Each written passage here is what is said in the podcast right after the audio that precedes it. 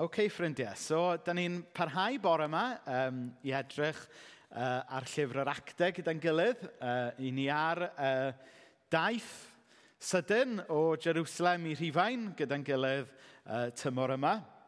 Um, wythnos diwetha, oedd ni, oedd John yn rhannu am uh, drwedigaeth sôl. Um, a wedyn y penodau'n dilyn hynny, ni'n clywed am sut mae'r genhadaeth yn datblygu uh, allan o Jerusalem a wedyn y teithiau cenhadol yn cychwyn. Ac i ni'n leapfrogio bore yma i penod 15, uh, le mae uh, Paul wedi bod wrthi ar rhai o'i deithiau cenhadol, um, ac yn drist iawn mae yna ambell um, i rwyg, ambell foment o anghydweld yn wedi datblygu yn hanes yr apostolion a'r eglwys grisnogol. A da ni jyst mynd i edrych yn sydyn ar un o'r rheina bore yma um, ac ystyried um, sut dylen ni ymateb pan mae Cresnogion yn anghyd weld. Um, pwnc anodd falle, ond pwnc pwysig, dwi'n meddwl, sy'n bwysig uh, i, i ni fel eglwys ac i bob eglwys o bryd i'w gilydd i daclo. Beth i wneud pan mae Cresnogion yn anghyd weld. So mae'r darlleniad bore yma yn dod o actau 15 adnodau 36 i 41. Ar ôl i dipyn o amser fynd heibio, dyma Paul yn dweud wrth Barnabas, gad i ni fynd yn ôl i ymweld â'r credinwyr yn y lleoedd hynny lle buon ni'n cyhoeddi neges yr arglwydd, i weld sut mae nhw'n dod yn eu blaenau. Roedd Barnabas am fynd, ond roedd eisiau mynd â Iwan Marc gyda nhw hefyd. Ond roedd Paul yn gwbl benderfynol na ddylai gael mynd, am fod Marc wedi troi ei gefn arnyn nhw yn Pamphylia, a heb gario ymlaen gyda nhw yn y gwaith. Aeth hi'n gymaint o ffrau rhyngddyn nhw nes iddyn nhw wahanu.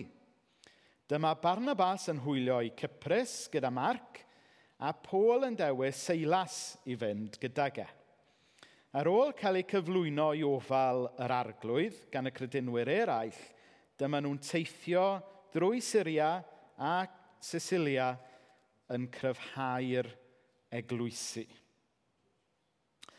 So, o'r holl rannau o llyfr yr actau, allan ni fod wedi dewis allan ar gyfer y gyfres yma. Pam mod i wedi dewis y rhan drist, anodd, digalon yma? Wel, oherwydd, mae un o'r pethau o'n i eisiau wneud wrth i ni fynd trwy llyfr yr actau gyda'n gilydd tymor yma, oedd i ni fod yn real.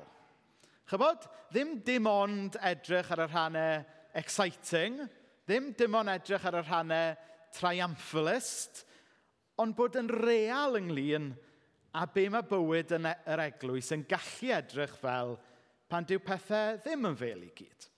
Pan dydyn ni ddim yn profi bendith yn yr union ffordd oedden ni wedi i ddychmygu. Oherwydd mae e'n bwysig yn bod ni yn real yn dydy. Fod Cresnogion, fel pawb arall, yn anghyd weld weithiau. I ddeud y gwir, os ydych chi'n edrych ar hanes yr eglwys, yn drist iawn, mae yna lot o anghydweld. Mae yna lot o rannu wedi bod. A dwi'n teimlo weithiau mae fi sy'n tu ôl hanner ohono fe. Hynny yw, da ni fel Cresnogion yn drist iawn yn bobl sydd ddim wastad yn trafod yn gwahaniaethau yn y ffordd mwyaf Cristebig. Dyna yw reality, a mae eisiau ni fod yn real ynglyn â hwnna Mae eisiau ni ddysgu o'n camgymeriadau. Mae eisiau ni edifarhau a dysgu fod y byd yn edrych arno ni. A dyna pam o'n i'n teimlo bod o'n bwysig yn bod ni'n edrych ar yr hanes yma. Er mwyn i ni fod yn real. Er mwyn i ni, er mwyn i fi ddysgu gwersi ynglyn â sut mae trafod yn gwahaniaethau weithiau yn adeiladol a mewn ffordd fwy tebyg i gariad Iesu. So, o'n i'n rhannu efo chi ar uh, dechrau'r gyfres yma. Mae nid... Mae llyfr disgrifiadol, disgriptif yw actau, nid presgriptif. Hynny yw, nid instruction manual um, penodol be dylai'r Cristion wneud ym mhob oes, ym mhob diwylliant trwy hanes yw hwn. Ond yn hytrach, beth ydy ydy portread o ymwneud Dyw gyda pobl arbennig mewn lle arbennig ar amser arbennig. Ac er bod na sort of general principles i'r eglwys ac i grisnogion ym mhob oes, mae gyda ni rhywfaint o ryddid i weld sut mae'r un dew oedd ar waith yn y cyfnod yma hefyd yn dymuno bod ar waith, falle mewn ffordd ychydig yn wahanol, yn yn oes a'n diwylliant ni, oherwydd bod yn oes a'n diwylliant ni yn wahanol. A dwi'n meddwl mae'r hanes yma yn profi'r pwynt yn dda iawn, mae disgriptif neu presgriptif yw rhannau o llyfr yr actau. Achos dyw e ddim yn golygu, dyn yn dach yn o'n fel, o, mae'n iawn i ni gwmpo mas. Maen nhw'n neud e'n llyfr yr actau. O, os da ni eisiau gweld y genhadaeth Cresnogol yn chwyddo mewn dau le wahanol, mae angen i ni gael andros o ffrau, just fel nath Paul a Barnabas, wedyn gewn ni fwy o eglwysi wedi plannu ac yn y blaen. Na, dydy'r hanes ddim yma ddim wedi gofnodi yma fel model i'w ddilyn, ond yn hytrach mae yma fel rhybydd ynglyn â beth i beidio gwneud. Ond fel fyddai'n sôn reit ar y diwedd, er gweitha y ffrau, er gweitha popeth ath yn wrong, oherwydd bod Dyw yn ddiw da, mae e dal yn gallu dod a rhywbeth da allan o rhywbeth gwael. Mae'r hanes yma yn dangos fel mae'r hen Dwi e ddim yn hyn, fel mae'r emyn plant yn dweud. Nid mega arwyr, mega dewr yw pobl ddew, ond yn hytrach, pobl gyffredin, pobl toredig, pobl stwbwrn, pobl pen galed, pobl sy'n cochi prospectif weithiau, fel fi, a falle fel chi. Nawr, wrth ymateb i'r hanes yma, dwi eisiau um, ymateb i'r peth o ddau prosbectif gwahanol. Fi eisiau edrych ar yr ymateb diwynyddol, um, ond fi hefyd eisiau edrych ar yr ymateb bugeiliol. A mae'n bwysig bod ni'n neud y ddau beth yna, dydy. Mae'n bwysig bod ni'n ystyried sut mae ymateb i sefyllfa pan mae Cresnogion yn anghydweld ynglyn â cwestiynau'r ffydd – cwestiynau pwysig, cwestiynau sydd yn iawn i ni drafod a weithiau dod i gasgliadau gwahanol i'n gilydd a sut mae navigatio hwnna. Ond mae'n bwysig hefyd i ni gael ymateb bugeiliol hefyd. Achos pan da ni yn trafod gwahaniaethau ymhlith yn gilydd o fewn yr eglwys, nid jyst trafod syniadau a safbwyntiau da ni'n neud. Ond mae yna bobl, mae yna galonau, mae yna brofiadau, mae yna gyd-destun i bob sgwrs yn does. So mae'n bwysig bod ni'n cael ymateb diwynyddol ac ymateb bugeiliol. So, yn gyntaf, um, yr ymateb diwynyddol. A falle bod y ffaith bod fi'n rhoi hwnna gyntaf yn dweud rhywbeth ynglyn â personality fi, a dwi jyst yn rhoi hwnna allan yna, cyn bod neb arall yn dweud hynny. Um, Nawr, mae'r Beibl yn dweithio ni bod o'n bwysig i bob genhedlaeth frwydro o blaid y ffydd a roddwyd unwaith i'r saint. Mae hwn yn Judas, uh, penod 1 adnod 3. A dyw e ddim yn dawdd has, uh, dawdd, dawdd hasg, yn dasg hawdd. Boes fach, mae'n mae boeth ffordd yma. Dyw e ddim yn dasg hawdd, i ni ateb y cwestiwn yna, wel, oce, okay, ni fod brwydro blaid y ffydd ar oddwyd unwaith yn saint, ond beth yn union ydy'r ffydd ar oddwyd unwaith i'r saint? Mae trafodaethau ynglyn â beth yw sylwedd yn ffydd a beth nad yw sylwedd yn ffydd yn arwen weithiau i grisnogion anghydweld. Yn arwen i grisnogion weithiau ffrio a weithiau grisnogion ymrannu. So, mae'n bwysig wrth bod ni, chybod, yn delio efo sefyllfa le mae Cresnogion anghyd weld. Mae'n bwysig bod ni'n pwyso a mesur pa mor bwysig ydy isiw er mwyn pwyso a mesur sut i ni'n delio gyda fe wedyn. Nawr, rai, mae gen i illustration i helpu chi ddeall hwn. So, rai blynyddoedd yn ôl, yn y clwb ieunctid fa yma ar nos Fercher. Felly bod rhai o'n chi'n cofio uh, un o'r um, aelodau'r Clwb Ieuenctid, na ddim i henwi hi, yn syrthio a, a brifo i braich. Ac efo rhai, rhai ohonych chi'n cofio ar y incident yma. Um, ag dwi'n meddwl oedd mena yma, ond o'n i adre, a wedyn fi'n cael ffôn cwl, o, mae yna anaf wedi bod yn y, yn y, yn y Clwb Ieuenctid, der draw nawr. Er mae doctor mewn diwynyddiaeth ydw i, nid doctor meddygol, ond anyway, tyfod.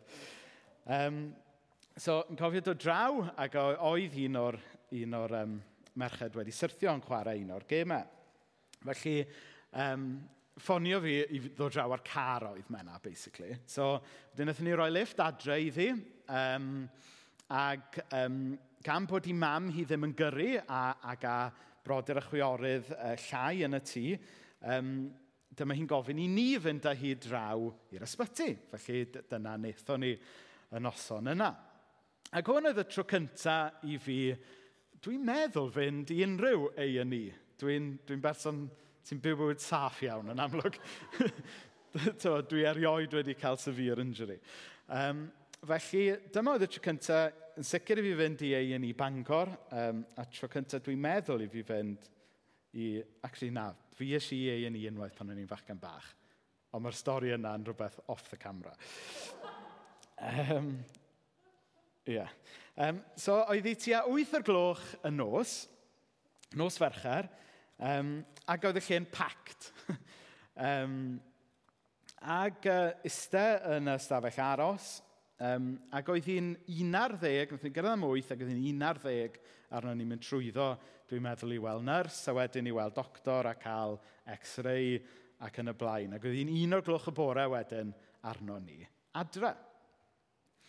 A'r heswm pam oedden ni yna mor hir, um, rhai o'n chi sy'n gweithio neu yn ni, neu wedi gweithio neu yn ni yn, yn gwybod yn iawn, oedd oherwydd bod ysbytau, mae gyda nhw rhyw system be maen nhw'n galw'n triage yn does. Uh, a gair Ffrangeg ydy triage sy'n golygu sortio allan. A dyna oedd yr ysbyty yn gwneud y noson yna.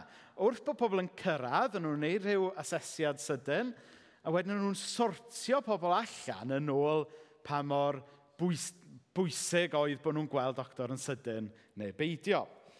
A, a, ac felly, hynny yw, nid first come, first serve ydy ysbyty, ond yn hytrach maen nhw yn rhoi sylw i chi yn ôl um, yr angen, nid yn ôl faint o'r gloch da chi wedi cyrraedd. So, er fod y ferch mewn poen, doedd hi ddim a gwaed yn pistilio allan o'i pen fel y dyn oedd yn iste nesaf lawr yn y waiting room, felly gath o fynd mewn o'n blaen ni. Er bod hi yn anghyfforddus, oedd hi'n amlwg ddim mewn yr un fath o argyfwng a, a'r wraig oedd wedi dod mewn yn sydyn a stretcher o ambulance. A taswn ni wedi troi fyny efo unrhyw toenail sy'n nhw jyst i hala fi adre. Tybod?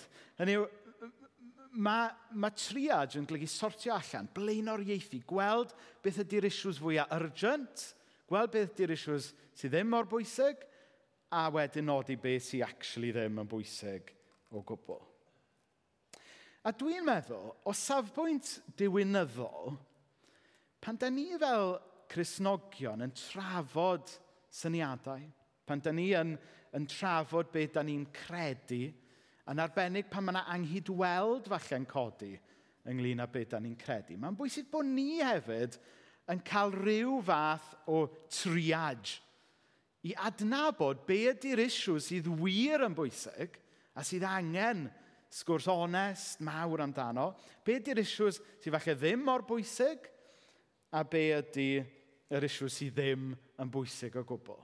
A bydd cael rhyw fath o triad fel yna yn helpu ni wedyn i gael persbectif, yn helpu ni drin yr issues yma gyda fwy o ras a cariad tuag at yn gilydd.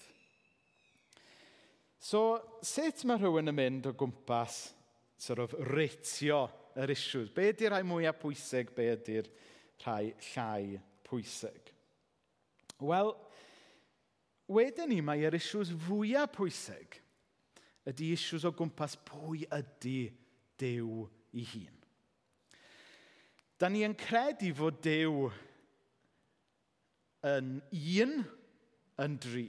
Da ni'n credu mewn un Dyw yn dri person, yn dad, yn fab ac yn ysbryd glân. Ac yn benodol, da ni yn meddwl, da ni'n credu fod Iesu Grist yn, yn ddew ac yn ddyn. A, a mae hwn yn mynd at galon yn Cresnogaeth ni ydy. Pwy ydy Dyw? Felly os oes yna rhyw drafodaeth ynglyn â pwy ydy Dyw, pwy ydy Iesu, wel yn amlwg mae hwnna yn isiw sy'n reit ar y top yn ydy. Mae'n isiw sydd sy'n bwysig bod ni yn cael sgwrs robust amdano, ond wrth gwrs dal mewn cariad. Um, Wedyn mae, mae yna gwestiynau eraill. Um, be fydda rhai pobl yn galw yn cyfiawnhad trwy ffydd. Justification by faith. A dwi ddim hyn yn oed mynd i trio deud yn, yn Lladin neu Almeineg. Um, hynny yw y syniad pwysig yma bod ni yn dod yn iawn efo Dyw, nid oherwydd unrhyw beth da ni'n gwneud, ond oherwydd beth mae Dyw wedi wneud drosto ni. Mae hwnna'n dydy wrth graidd yn ffydd ni. Um, ac, os, ac mae hwnna'n isiw pwysig iawn. Um, a wedyn mae pethau fel yr atgyfodiad yn bwysig hefyd yn dydy. Hynny os dydy Iesu ddim wedi atgyfodi, yna mae, mae holl galon a sylfaen yn ffydd ni yn syrthio yn ddarnau. Yn y bôn, issues lefel cyntaf ydy pethau sydd wedi cynnwys yn credo yr apostolion.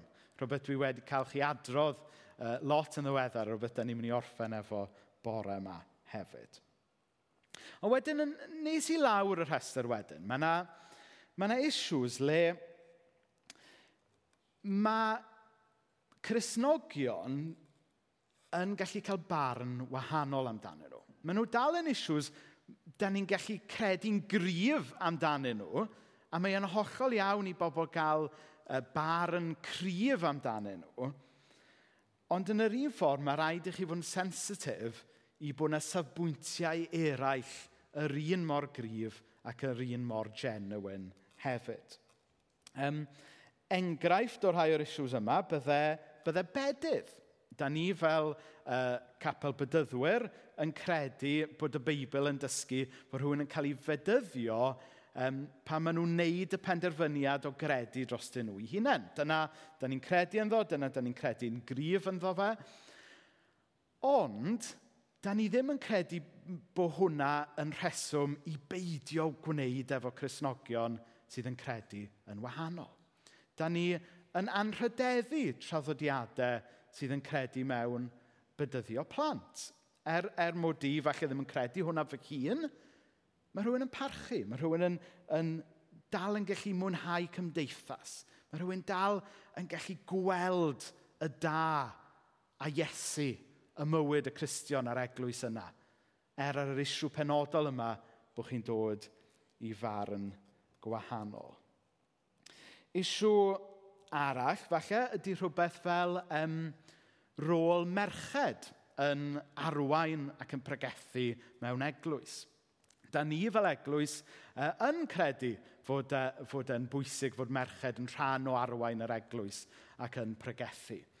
Um, ond mae gyda chi rhai eglwysi sydd yn credu'n gryf na ddyle merched uh, gael arwain a pregethu.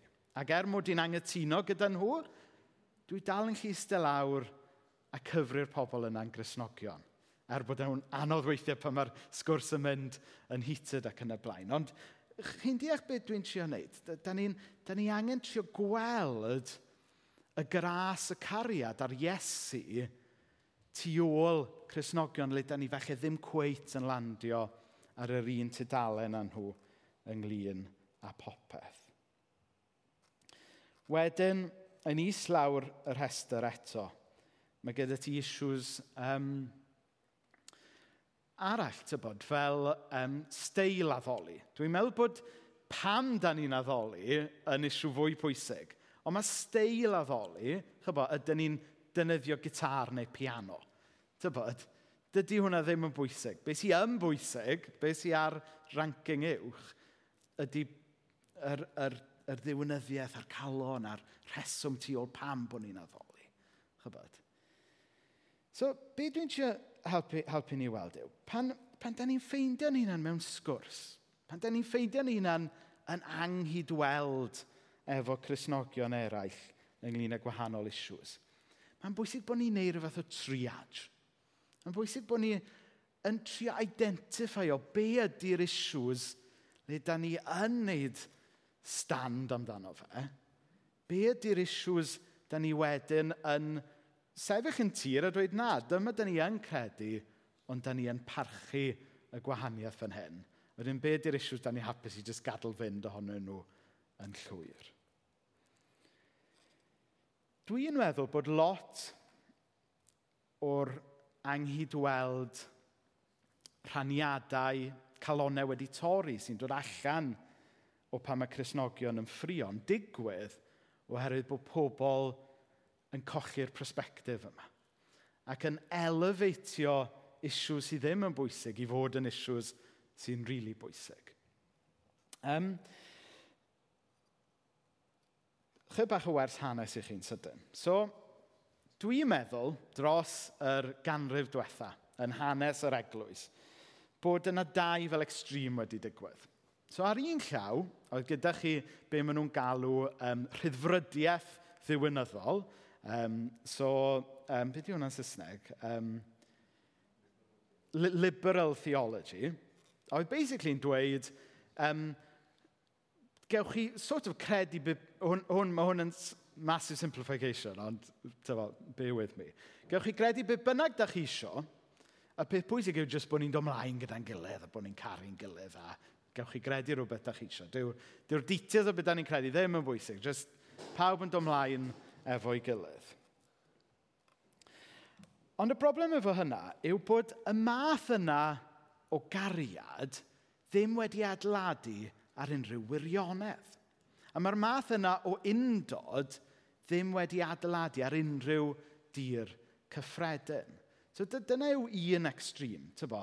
Y syniad bod yna ddim fath beth i gael a fel hanfodion yn ffydd.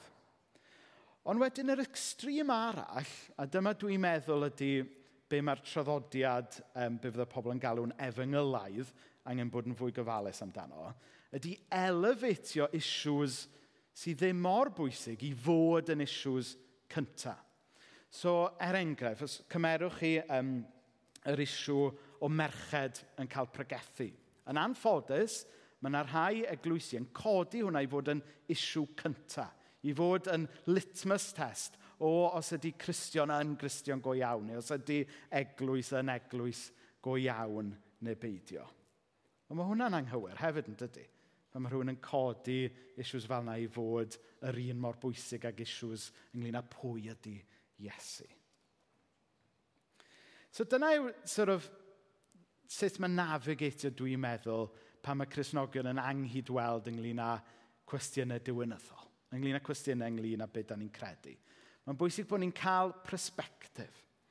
A wedyn, pan da ni'n cael persbectif, da ni wedyn gobeithio'n gallu trin a trafod yr issues yma ymhlith yn gilydd yn yr eglwys leol ac yn yr eglwys fwy cyffredinol gyda bach fwy o ras na gyda ni yn hanesyddol wedi gwneud. Ond, ymlaen nawr mewn gwirionedd at y pwynt fwyaf pwysig – sef yr ymateb bugeiliol i pa mae Cresnogion yn anghydweld. Y gwir amdani yw, pan da ni fel Cresnogion yn anghydweld, da ni yn byw yn bywydau, da ni yn trafod yn ffydd, da ni'n ar y daith y drio fod yn disgyblion, da ni ddim yn gwneud hynny fel robots na dan. Da ni'n bobl go iawn, mewn sefyllfaoedd go iawn, gyda teimladau go iawn, gyda emosiynau go iawn. Mae gan bawb stori. Mae gan bawb gyd-destun. Ac er mwyn i ni wybod sut i gerdded gyda'n gilydd yn arbennig pan da ni yn anghydweld, mae rhaid ni yn gyntaf adnabod yn gilydd, yn does? Rhaid ni beidio gweld yn gilydd fel rhywun dwi'n anghytuno efo. Mae angen i ni weld y gilydd fel rhywun falle sydd gyda perspektif gwahanol. Rhywun sydd gyda cefndir gwahanol. Rhywun sydd gyda stori gwahanol i'w ddweud. A hyd yn oed, pan i ni'n anghydweld efo Cristion ynglyn â isiw fel diwynyddol, be mae rhywun yn credu, mae dal rhaid ni weld yr ochr personol yn does. Achos i'r Cristion, mae ffydd Mae cwestiynau ynglyn â beth da ni'n credu yn bersonol, yn dydy? That's the whole point. Nid, nid sort of ism, nid rhyw fath o athroniaeth da ni'n cymryd off y shelf. Ydy'n ffydd ni. Ond mae'n rhan o pwy ydy ni. Mae'n rhan o'n passions ni. Mae e yn, yn calon ni. Nid transaction a cwestiynau intellectual ydy cwestiynau'r ffydd i ni. Ond dyma yw yn barabeinyddio. Dyma yw yn goleini ni. Ac felly, pa mae Cresnogion yn anghydweld, oes mae angen wneud y triage diwynyddol yma identifio be ydy'r isiws bwysig, be ydy'r isiws llai pwysig. Ond y peth pwysicaf ydy'r ymateb bugeiliol. Mae angen i ni weld y person tu ôl y safbwynt. Mae angen i ni weld y galon tu ôl y cwestiwn. Mae angen i ni weld y cyd-destun tu ôl y dymestol falle sydd yn y sgwrs. A dyna lle mae angen gras a cariad Dyw. A mae rhai ohonoch chi, yn gwybod mae rhai ohonoch chi yma, wedi anghydweld gyda fi, a fi wedi anghydweld gyda chi ynglyn â'r rhai issues. A y camgymeriad dwi wastad yn wneud ydy jympio syth i'r isiw. Lle dwi angen dysgu bod fel Iesu a gyntaf gweld y person. Dwi angen dysgu peidio mynd yn syth i ennill dadl, os ydy hwnna even yn iawn. Ond yn hytrach i weld y galonau sy'n involved yn y sgwrs. Nawr mae'r quote yma ni'n dwi wedi rhannu sawl tro o blaen. Mae'n mae debyg mae Austin Sant yn ddweud e, um, ond falle ddim, ond mae'n dda anyway. Mae'n dweud fel hyn, in essentials unity, so yn, yn, yn y pethau sy'n graidd i'n ffydd ni, mae'n bwysig bod ni ar yr un tydalen. In non-essentials liberty, so mae'n y beth eraill, mae'n hollol oce okay i ni gael safbwyntiau gwahanol. Ond, hwn yw'r peth pwysica, in all things, love. A dyma, da ni fel Christ... dyma nath Paul a Barnabas gochi prospectif ohono fe. Dyma dwi, os dwi'n hollol onest, yn aml yn cochi prospectif ohono fo. A dyma trwy'r hanes mae'r eglwys falle wedi cochi prospectif ohono fe. In essentials unity, non-essentials liberty, in all things, love. A dwi'n meddwl, ar yr, ar yr, yr non-essentials yma, pan da ni'n gweld flavours gwahanol, os gewn ni ddweud e, yn yr eglwys, flavours sydd ddim o reidrwydd yn dod oherwydd bod ni'n credu pethau gwahanol, weithiau mae'n dod jyst achos bod ni'n bersonoliaethau gwahanol. Mae'n bwysig bod ni'n mynd gam ymhellach na jyst tolereitio'n gilydd. Mae angen i ni embreisio yn gilydd a gweld e actually fel rhodd gan ddew. Achos trefn dew i'r byd, trefn dew i'r eglwys, ydy nid uniformity, nid rhyw blandness bod ni gyd rhywun peth. Mae'n actually, trefn dew i'r greadigaeth ac i'w eglwys yw amrywiaeth. Undod yn Iesu, ond undod mewn amrywiaeth. Felly dwi eisiau gwahodd ni fynd gam ymhellach na just toleratio'n gilydd Dwi eisiau ni embreisio'n gilydd, embreisio'r gwahaniaeth personoliaethau, embreisio'r gwahaniaeth, nid yn y pethau cyntaf, dwi'n meddwl bod yn bwysig bod ni ar yr un tydal yn y pethau cyntaf, ond embreisio'r yr gwahaniaethau yn yr ail bethau. Mae Dyw wedi creu ni gyd yn unigryw. A mae eisiau ni beidio bod ofn pobl gwahanol i ni, ond mae eisiau ni ddysgu a caru pobl gwahanol i ni. Dwi'n am orffen efo'r stori yma, gwerth arall o hanes. So, hanner cyntaf yr ugeinfed ganrif, oedd yna goleg diwynyddol yn Bangor o'r enw Bala Bangor, enw fach ffynnu. Oedd o'n originally yn Bala nath o symud i Bangor, so nath nhw galw fo'n Bala Bangor. Mae hwnna'n ffynnu, dydy. Dwi'n gweld o'n ffynnu, anyway. Yr adeilad mawr brics coch gyferbyn a, a Morrison's rwan. Ac, um, ac yn hanner cyntaf yr 11fed ganrif, oedd na, oedd na ddau athro, ddau professor yna. Un dyn o'r enw John Morgan Jones ac un o'r enw J.E. Daniel. A dim ond dau, tyfo, fel popeth yng Nghymru, oedd yn coleg eitha bach, so dim ond dau athro oedd yna. Ac oedd y ddau athro ar polar opposite ends sort of, yr, er, y byd Cresnogol Cymraeg ar y pryd. Oedd John Morgan Jones oedd, oedd un o intellectuals mwyaf, y rhyddfrydiaeth ddiwynyddol, um, liberal theology, a wedyn oedd J. Daniel yn un o stalwarts be o'n nhw'n galw yn neo-orthodoxy, sef pobl oedd yn dilyn syniadau cael bat ar y pryd. Okay? I chi sydd ddim yn licio hanes, there's a point coming, dwi'n addo. Ac, um, ac chybo, oedd nhw polar opposites ynglyn â beth oedd nhw yn credu. Um, ac oedd yna lot o, o ddadle diwynyddol, oedd nhw, er o'n nhw'n gweithio yn yr un coleg, oedden nhw'n sgwennu llythyrau yn ymateb i safbwyntiau a llyfrau i gilydd yn y papurau ac yn y blaen. Ond, mae yna stori hyfryd iawn am sut oedden nhw yn gweld calon Christ yn ei gilydd. Ac er y gwahaniaethau, weithiau'n wahaniaethau'r issues mawr, oedden nhw'n dewis gweld y person a'r Christ yn ei gilydd. A dyma nath um, J. Daniel ddweud, dyw e ddim directly yn cyfeirio at ei gydweithwyr, ond mae'n debyg mai dyna pwy y ganddo fe mewn golwg. A, a dyma'r quote. Mae'n hyfryd iawn, dwi'n meddwl. Uh, mae llawer ohonom yn salach na'n dywynyddiaeth, Diolch i ddew fod llawer yn well na hi. so mae'n mae ffynnu, dydy? Mae'n rhywbeth o dig, ie, yeah, dwi'n angytuno efo boi, ond trwy ras dew, mae'n calonau ni yn bwysicach na'r finalities o beth da ni'n credu. A dwi'n meddwl mae hwn yn profound iawn yn dydy.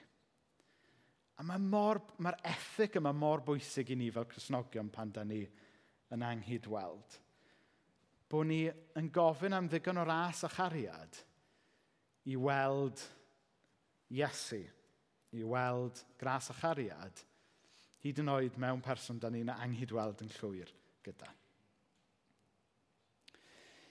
Nawr, da ni ddim yn hollol siŵr yn union beth oedd ffrau Paul a Barnabas. Mae'n debyg fod ym, hynny oedd, oedd Mark wedi um, cael wobl ar un o'r teithiau cenhadol a wedi desertio nhw. Ac oedd Paul um, ddim eisiau rhoi chans arall iddo fe. Oedd Barnabas yn meddwl dyle fe. Um, so oedd yna rhyw fath o... Falle oedd yna reswm ymarferol tu ôl i'w ffrau. Falle oedd yna reswm personol ieithol.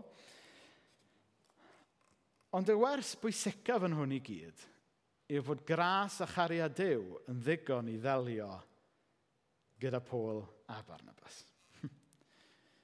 Doedd Dyw ddim yn landio ar ochr un a ddim ochr y llall. A da ni'n gwybod hynny oherwydd fod Dyw wedyn wedi troi yr split trist yma yn fendydd. Achos bod un taith genhadol yn mynd i'r cyfeiriad yna, y taith genhadol arall yn mynd i'r cyfeiriad yna, a bod Dyw yn y diwedd actually wedi dod â bendydd allan o'r ddau. Nawr fel o'n i'n dweud y chi, hwnna ddim yn golygu bod fi eisiau ni bore yma gael andros o ffrau a bod hanner ohono ni yn yn mynd i fod yn eglwys yn hanner yna'r dre, a'r hanner arall yn mynd i eglwys yn hanner yna'r dre, a, a fel yna bydd cariad Dyw yn spredio allan yn fwy. Na, dwi'n ddim yn gweithio fel yna. Mae jyst yn dangos fod gras Dyw yn anhygoel yn dydy. A bod gras Dyw yn gallu gweithio er gweitha yn llanast ni, yn calonau caled ni, e-, er gweitha pan da ni'n stwbwrn mae'n dangos fod gras Dyw yn gallu dod a prydferthwch hyd yn oed allan o anrhefn. A dwi jyst wedi llunio uh, gweddi. Um, os, da, os di o ar eich calon chi i adrodd y weddi yma uh, gyda fi, um, gael gwahodd chi godi ar eich traed, dych chi'n gwybod beth ydy ato, ond basically dwi'n mynd i adrodd llinell, a wedyn efo'n gilydd, da ni'n mynd i ymateb efo llinell arall. Os, os ydy'r weddi, os ydy adrodd y weddi yma ar eich calon chi bore yma, yna ymunwch gyda fi Um, os ti o ddim, yna, mae hwnna'n ffain, just, just ar, aros yn dawel, tyfa, dwi'n eisiau fforsio geiriau ar neb. A wedyn ar ôl um, adrodd y weddi gyda'n gilydd, newn ni adrodd credo'r apostolion efo'n gilydd, um, fel ffordd o jyst atgoffa'n gilydd ynglyn â'r pethau cyntaf ynglyn â beth da ni'n credu. Felly, gael eich gwahodd chi i godi ar eich traed.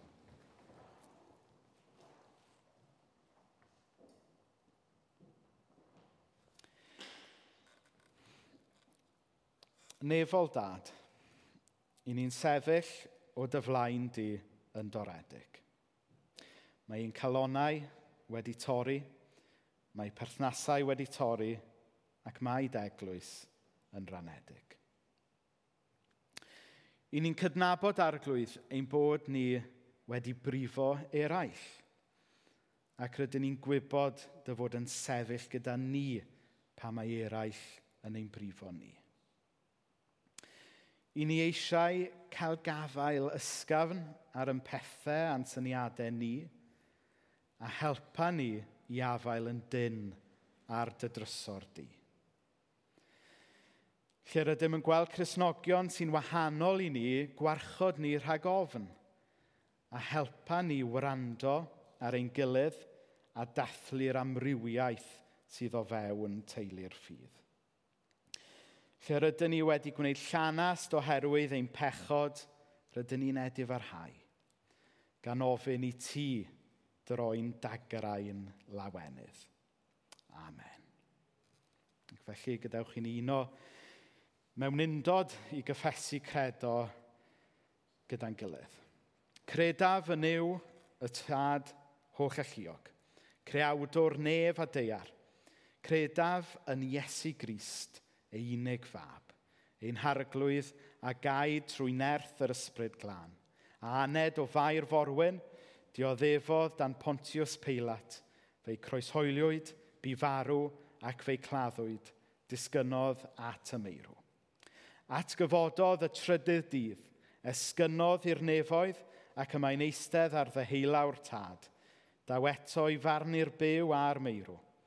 Credaf yn yr ysbryd glân – yr eglwys lan gatholig, cymundeb y saint, maddeiant pechodau, atgyfodiad y corff a'r bywyd tragwyddol.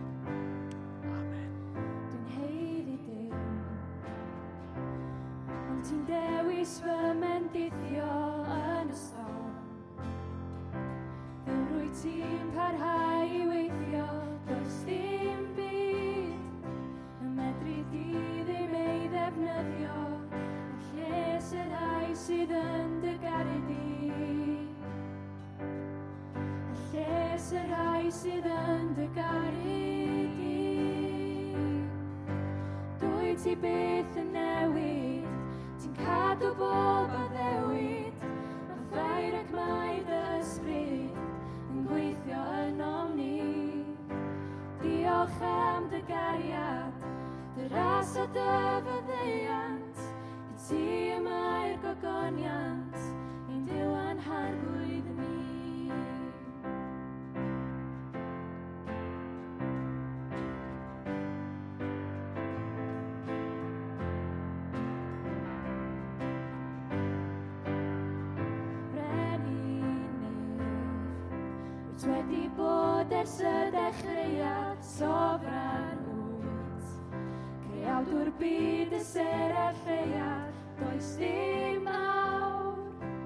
toisti meni, toisti.